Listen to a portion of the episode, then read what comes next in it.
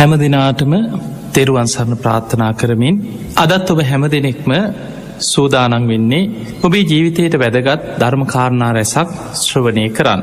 පිංහතුනේ බුදුරජාණන් වහන්සේ දේශනා කරපු බොහොම බලවත්ම දේශනාව තමයි මහා මංගල සූත්‍රයේ. මේ මහාමංගල සූත්‍රයේ ගාථාවෙන් ගාථාව ඒ සඳහන් වෙන මංගල කරුණු එකතු කරමින් අපි ඔබව මහා මංගල සූත්‍රයේ පිළිබඳව දැනුවත් කිරීමක් සිදු කරා. අද අපි විමසල බලු මේ සිල්ප ශාස්ත්‍ර ගැන ඇති කරගන්න දැනුම. ඒක හැම කෙනෙකුටම අවශ්‍ය වෙනවා. තැන් අපි දන්නවා ඒ ඒ පුද්ගල භික්‍ෂූන් වහන්සේලා හැටියට දැනගත යුතු ශිල්ප ශාස්ත්‍ර තියනවා. ගිහි අය හැටියට දැනගත යුතු ඒවතිනවා කාන්තාවන්ට තියෙනවා පිරිමින්ට තියෙනවා ළමයින්ට තියෙනවා හැමෝගෙම ජීවිතේ. ඊළඟට කෙනේ සමහරු මැරෙනකං.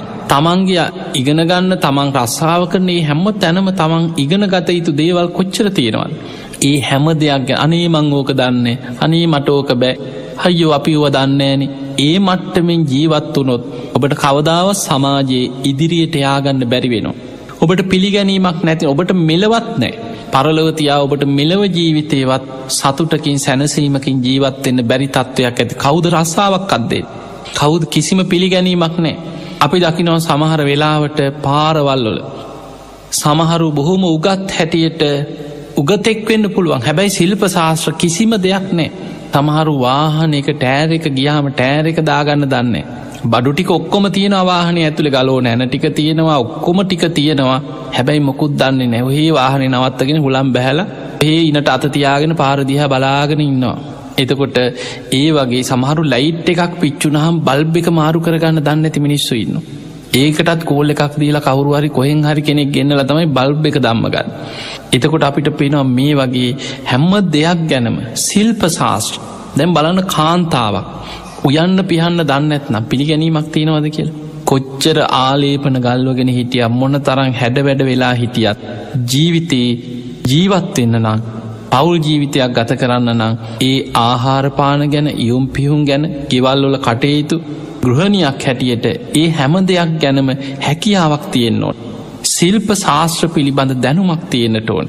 අන්නේ වගේ හැම දෙයක් ගැන පිරිමියෙක් නම් ඒ පිරිමියෙක්ගේ ජීවිතය තුළ ඒ තරුණෙක් නම් තරුණ ජීවිතය තුළ රැකියාවක් කරන කෙනෙක් නම් ඒ රැකියාව තුළ ඒ හැම දෙයක් ගැනම හැකියාවල් දැන් අපි දකිනෝ සමහරු වයසට ගිහිල්ල නොයෙක් විදිහට තමන්ගේ රැකියාව තුළ ඉගෙන ගන්නවා. ඒවා පුහුණු වෙනවා පුරුදු වෙනවා නව සොයා ගැනීම් කරනවා.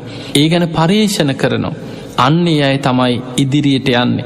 මේ ලෝකෙ අලුත් සොයා ගැනීම් කරපු අය අලුත් නිර්මාණ කරපු අය මේ ලෝකයේ නිර්මාණය කරපු මිනිස්සු ඒ විදිහට හැම්ම දෙයක් ගැනම කැපවෙලා මහන්සි වෙලා හිතලා බලලා කය වෙහෙසවල දහඩිය වකුරෝලා කුඹුරක් කරන්න ගියත් මහලොකු දෙයක්නම අපිනික සාමාන්‍ය හිතම කුඹුරක් කරන්න ගියා කියල්.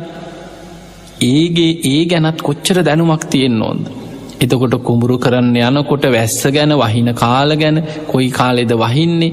ඒව ගැන දැනුමක් තියෙන් ඕනෑ කුඹුර කරන හැටි මඩ කරන හැටි ඊළඟට වීහින හැටි.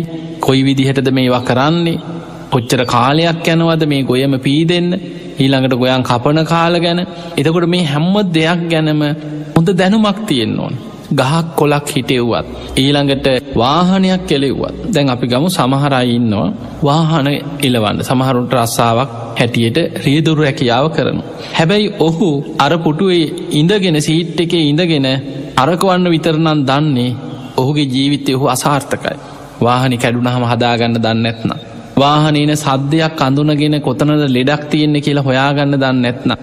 ඒ වාහනයේ ක්‍රියාත්මක වෙන ඒ ක්‍රියා පිළිවල ගැන වාහන එංජින් එක ගැන ඒ වාහනයේ වැඩ කරන ඒ ක්‍රමේ ගැන ඒ වාහනන ලෙඩ ගැන ඒව ගැන කිසිම දැනුමක් නැත්නං ඔහු යන යන තැන අමාරුයි වැටෙනු.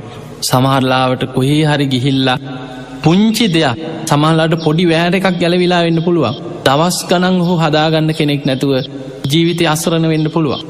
ඒ නිසා සිල්ප ශාස්ත්‍ර දැනුම කියන එක ඉතාම වැදගත්දයක් හැම්ම දෙයක් ගැනම දක්ෂ කෙනෙක්වෙන්. භික්‍ෂූන් වහන්සේ නමක් නම් උන්වහන්සේටත් ආරාම ගැන කුටි සෙනසුන් ගැන ආරාම සකස්කිරීම් ගැන ඒ වගේම සිවුරු පඩු ගැසීම් ගැන පාත්තර කළු කරන හැටි විනේ කර්ම ගැන පෝයසීමාවල් ඒ පෝයගෙවල් හදන හැටි පෝය කර්ම කරන හැටි ශාසනික වත් පිළිවෙත් ගැන හැකියාව දක්ෂතාවේ අඩුගානි ආරාමික අතුපතු ගාගන්න හරි. සුද්ධ පවිට්ට කරගන්න හරි. ඒ දැනුමත් තියෙන් ඕන. සමහරෝ අනේ අපි දන්න අතුගාන්නවත් දන්න ඇතියයින්න. ඒ වගේ දැන් ඔබ හිතන්න එහෙම පුද්ගලේ කවුරුත් කිසිම තැනක තියාගන්නවත් කැමති වෙන්න. ඔයා යන්නකින ඔයාට මෙහි ගැලපෙන්නෑ කියෙන්. එතකොට සමහරයි ඉන්න ඔහේ කම්මැලි අත්ත පයවිහිසවන්න කැමතිනෑ. එක්කො දවසම නිදී. එක්ක පුට එක්ක කොහේ හරි පුටුවක් නම් පුටුව දිග ඇදිලා වැටෙන ඇදක් නං ඇදේ දිග ඇදිලා ඉන්න. කොහේ හරි හිටගෙනන්න බැ කොහ හරි හේතුවත් දානවා. මුළු ඇඟම හොරවෙච්ච කම්මැලි චරිත කිසිම හැකියාවක් නැති කිසිම දක්ෂතාවයක් නැති. ඒ පුද්ගලයාගේ මෙලව ජීවිතයම අසාර්ථකයි. එනිසා බුදුරජාණන් වහන්සේ පෙන්න්නනවා මහා මංගල සූත්‍රයේ මංගල කරුණු ඔන්න ලෝක යහපත් කියල යමක් තියෙනවනං බහුශ්ෘත භාවය උගත්කම ඒ විතරක් නෙමේ ශිල්ප ශාස්ත්‍ර පිළිබඳ ඇතිකරගන්න දැනුම. දැන් ඔබ හිතන්න මේ දැනුම තියෙනවන. කවදාවත් මේ දැනුම ඔබේ සල්ලි ටික හොරු ගෙනියයි. ඔබේ රත්තරම් බඩු ටික හොරෙකුට ගන්න පුළුවන්. ඔබේ ඉඩම ගේදොර රාජිසන්තක කරගන්න පුළුවන්. ගින්නෙන් සුළගෙන් ඒවා නැති කරලා දාන්න පුළුවන්. හැබැයි ඔබේ ජීවිතයේ තියෙන තාක්කල් ඔබේ උගත්කම ඔබේ දක්ෂතාවේ හැකියාව තව කෙනෙකුට හොරාකන්න පුළුවන්කමක් නෑ. අපි හිතම ඔබට හතුරු නිසා තරහකාරයු නිසා ඔබට ලංකාව ඉන්න බැරි වුනා කියලා කවරු හරි ඔබේ ගෙවල් දොරවල් ගෙනි තියලා ඔබට කරදර කරලා ඔබේ ඔබෝ ගමෙන් පැන්වා කියලා හිතන් හැබැයි හොඳ උගතෙකුට හොඳ දක්ෂයකුට හොඳ හැකියාවක් ඇති කෙනෙකුට ලෝකෙ ඕනම රටක ගිහිලා ජීවත්වෙන්න පුළුව. ඕනෑම තැනක හොඳ පඩියක් ගෙවල රස්සාාවකට අඩගහල ගන්න. දැන් ඔබ දකිනව ඇති සමහර විභාගවලින් ඉහලින්ම පාස්සෙන දරුවන්ට අයිස්කෝල හොය හොයි දුවන්න දෙයක් නෑන හනි අපි ස්කෝල්ට ගන්න හනි අපි ස්කෝල්ට ගන්න. ගුරුවරුන්ට වැඳවැඳා විදුහල්පතිලට වැඳවැඳා ඊළඟට නොයෙක් විදිිය කොච්චර දුක්විඳනවද නොයෙක් නැති දේවල් සමහරුන්ට පගාව දෙන්න වෙනවා.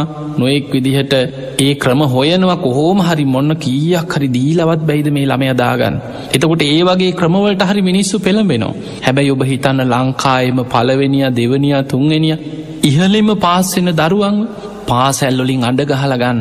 ඒ දරුවන්ට ශිෂ්ෂත්ත ඒ ඒ රටවලින් විශේසේම උගතුන්ට අඩගහල ශිෂ්ෂත්ව දෙෙන්. ලෝකෙම ඉන්න නව සොයා ගැනීම් ඇත් කරන හොඳ බුද්ධිමත් දරුවන්ව ලෝක විශ්වවිද්‍යාලවලින් ඒ අය වියදං කළ ශිෂ්ෂත්තු දීලා ඒ රටවල්වලට අඩගහලගන්න. අන්නේ නිසා උගත්කම තියෙනවනං බුද්ධිමත්කම තියෙනවනං ඒ ශිල්ප ශාස්ත්‍ර ගැන ප්‍රායෝගික දැනුම තියෙනවන එයාට මේ ජීවිත කාලෙම මෙලව එයා ජයගත්ත කෙනෙ. ඒ නිසා පිංහතුනි බුදුරජාණන් වහන්සේ මහා මංගල සූත්‍රය අපිට පෙන්නුවේ ඒක මංගල කාරණය ජීවිතය ඇතිකර ගත යුතු දෙයක්.